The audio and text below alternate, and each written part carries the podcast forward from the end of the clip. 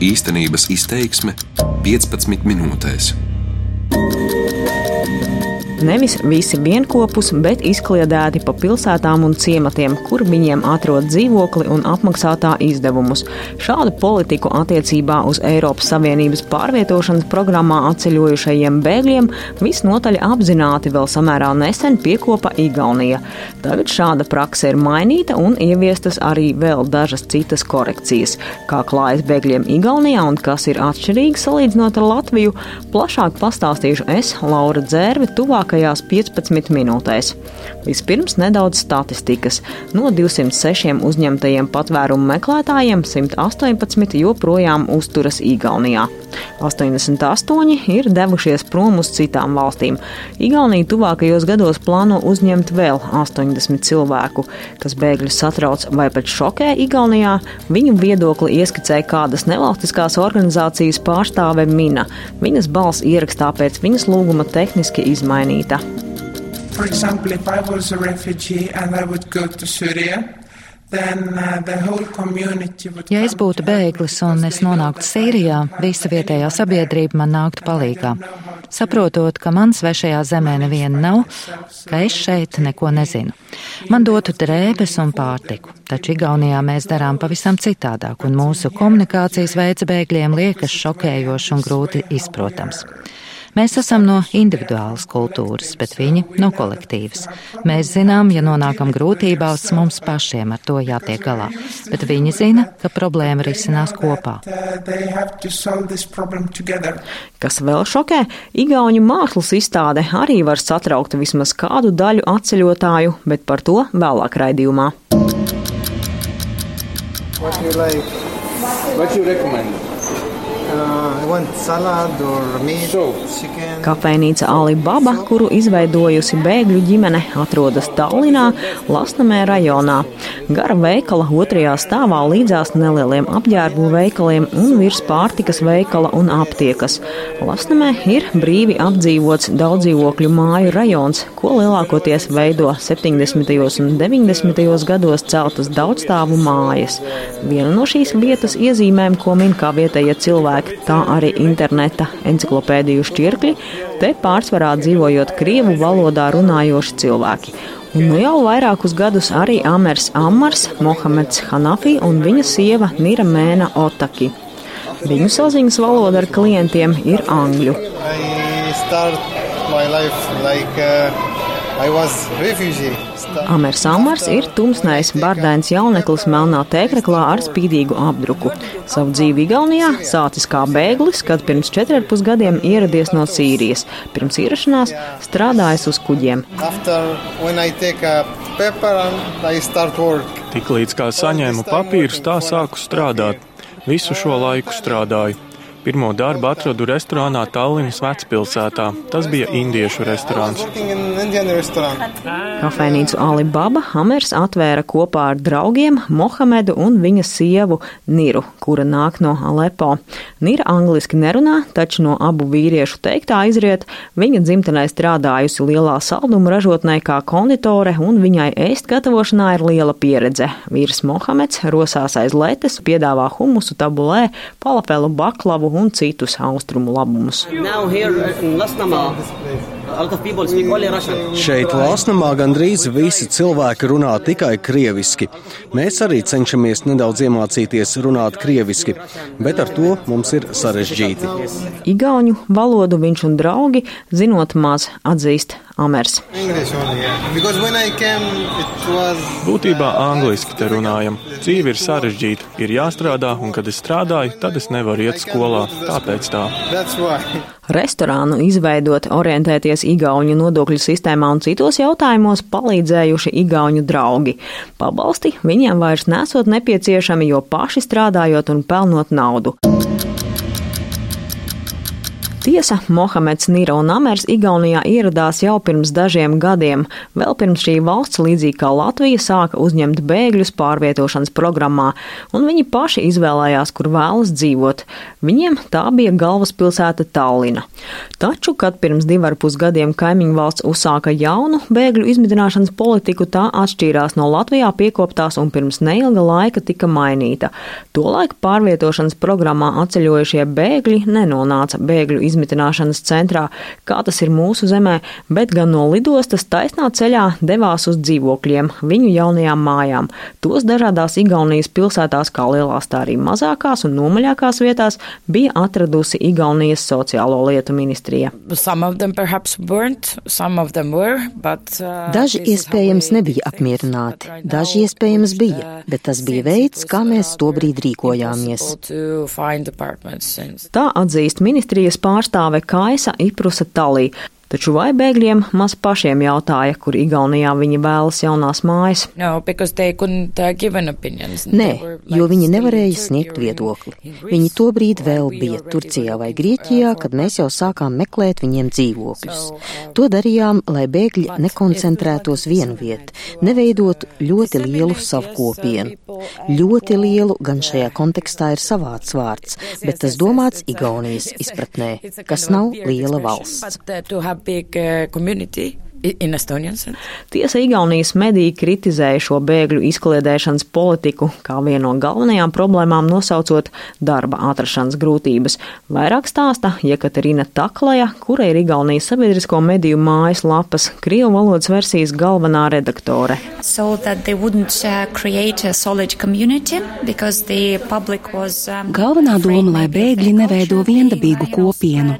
Sabiedrība baidījās, ka bēgļi iespējams izplatīs savu savu kultūru, arī raizējās par drošības jautājumiem.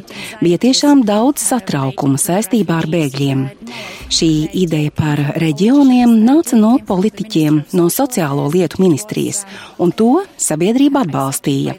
Taču bēgļi sāka pamest šīs vietas, jo viņi jutās vientuļi, viņiem nebija cilvēku, ar ko socializēties, viņi vēlējās redzēt citus sīriešus, citus arābus sev apkārt. Viņiem mazās pilsētās bija grūti atrast darbu, arī iztikt ar tiem pabalstiem, ko saņēma no valsts. Anyway. Igaunijā ir ārkārtīgi grūti atrast viņu kopienu jebkurā vietā, jo Igaunijā īsti nav arābu kopienas. Ir arābi, bet nav arābu kopienas arī lielākās vietās. Taču par kritiku mēs arī to esam dzirdējuši. Tā Igaunijas sociālo lietu ministrijas pārstāve. Tiesa izvietojot bēgļus dažādās Igaunijas vietās, ministrija esot domājusi ne tikai par mājokļu pieejamību, bet arī par darba iespējām. Vai visa šīs darba vietas izrādījās piemērotas bēgļiem, tas jau ir cits jautājums, saka Kaisa Iprusa Talī no ministrijas. Es nevaru teikt, ka ir vispār viegli atrast darbu Tallinā vai mazā ciematā. Jā, Tallinā iespējams ir vairāk darba vietu, bet tas nenozīmē, ka tevi uzreiz pieņems darbā. Es zinu ģimeni, kas dzīvo mazā ciematā un strādā, un es zinu ģimenes, kas dzīvo Tallinā un nestrādā.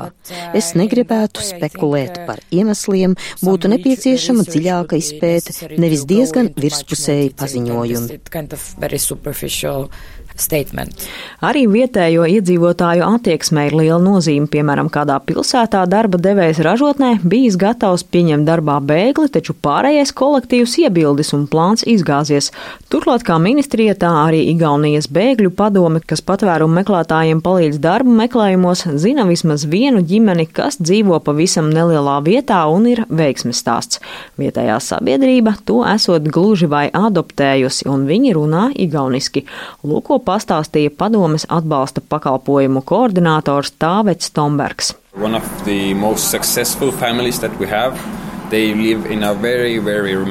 Viena no mūsu veiksmīgākajām ģimenēm dzīvo ļoti, ļoti nomaļā vietā. Mēs sākumā bijām noraizējušies, kā viņi tiks galā ar loģistiku, izbraukās starp Tallinu un vietu, kur viņi dzīvo. Bet vietējā igauņu sabiedrība tur ir ļoti aktīva, viņiem ir kristiešu baznīca un viņi ir paņēmuši bēgļus tā teikt zem sava spārna. Paši bēgļi gan nav kristieši, bet gan musulmaņi, taču viņi novērtē garīgumu un pat dodas kopā ar kristiešiem uz baznīcu. Tomēr Igaunijas amatpersonas pērnā gada otrajā pusē bēgļu izvietošanas politikas kursu mainīja. Pēc nonākšanas Igaunijā pilnīgi visi bēgļi nonāk patvērumu meklētāju uzņemšanas centrā, ne tikai tie, kuri paši šķērsojuši robežas. Galvenais iemesls esot bijušas grūtības atrast dzīvokļus brīvajā tirgu. Kāpēc daudz izīrētāji atturējās dot dzīvokļu atslēgas bēglim, turpina sociālo lietu ministrijas pārstāve. Example,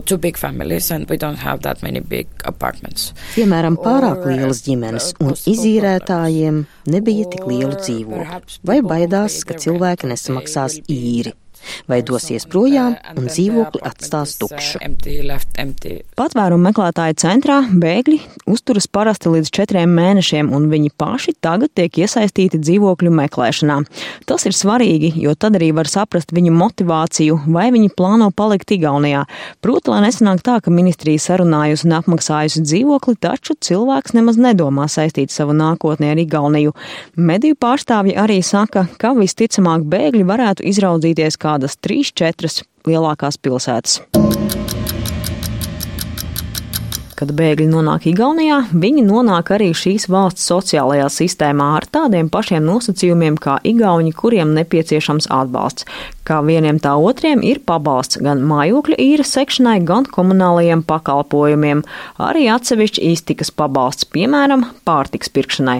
Šis pabalsts ir 140 eiro mēnesī pirmajam pieaugušajam ģimenē, 112 otrajam un katram bērnam 168. Igaunijas sociālo lietu ministrijā saka, ar šādu pabalstu ģimenes var izdzīvot, bet bagātas nebūs. Ja būs viens, tad gan izdzīvot būs grūti, bet ģimenei ar trim bērniem vieglāk.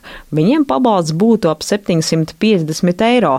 Turklāt nav jālauza galva par īri un komunālajiem pakalpojumiem. Latvijā Tādai pat trīs bērnu bēgļu ģimenei būtu 527 eiro, tikai no šīs summas būtu jāmaksā arī par īri un mājokļa izdevumiem. Bēgļiem Igaunijā ir jāpierāda sevi kā aktīviem darba meklētājiem, citādi pabalstu nogriezīs. Kad atrod darbu, tad pusgada laikā palīdzības apmērs sarūk. Atšķirībā no Latvijas, kur pabalstu apmēru samazināja, Igaunijā šādu centienu nav bijis. Tur no šā gada trīsreiz palielināts valsts apmaksāto igauņu valodas stundu skaits līdz 300 stundām, saprotot, ka ar simtu nepietiek. Salīdzinājumā Latvijā 80 stundas patvērumu meklētāju centrā un 120, kad reģistrējas bezdarbniekos. Igauņiem vēl ir arī šāda stratēģija, lai bēgļi labāk apgūtu igauņu valodu. Nevalstiskās organizācijas palīdz meklēt darba vietas, kur lielais vairākums kolēģi runā igauniski. Taču ar kādām problēmām saskaras bēgļi Igaunijā nevalstiskās organizācijas pārstāve Mina, kura palīdz bēgļiem un kuras balss šajā raidījumā pēc viņas lūguma ir tehniski izmainīta, nosauc trīs galvenās problēmas. Tās ir apkārtējo attieksme, dzīvokļa atrašana un garīgās veselības problēmas. Because of the situation they have home.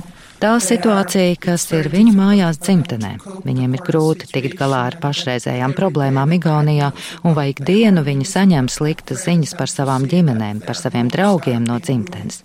Uzzina, ka viņu mājas ir izpostītas. Tas ir svarīgākais. Taču, ja skatāmies mūsu valdības līmenī, tad jā, tā dzīvokļa atrašana un lai viņus šeit pieņemtu. Acceptance. Savukārt vientuļiem vīriešiem mēdz būt problēmas atrast sev otru pusi un aprecēties, proti daudzi vēlas satikt kādu, kas piedar tai pašai reliģijai vai ir tās pašas tautības. Tāpat arī kā saglabāt līdzsvaru starp viņu vēsturi un jauno kultūru. Viņi vēlas būt daļa no mūsu igauņu sabiedrības, sekot līdz mūsu tradīcijām, taču tajā pat laikā vēlas arī saglabāt savas tradīcijas īpaši attiecībā uz bērnu audzināšanu. Piemēram, kad meitenes sasniedz konkrētu vecumu, viņas jānodala no zēniem, taču šeit sistēma ir citādāka. Dažiem vecākiem ir grūti ar to tikt galā.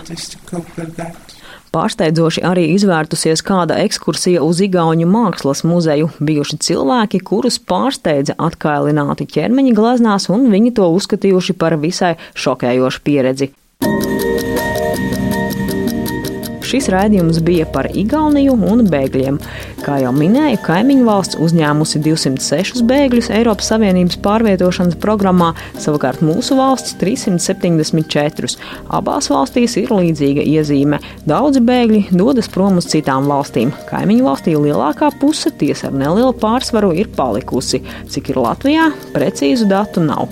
Igaunijas sistēma gan ir bēgļus atbalstošāka nekā Latvijas, taču arī kaimiņiem ir izaicinājumi ar kuriem jācenšas tikt galā.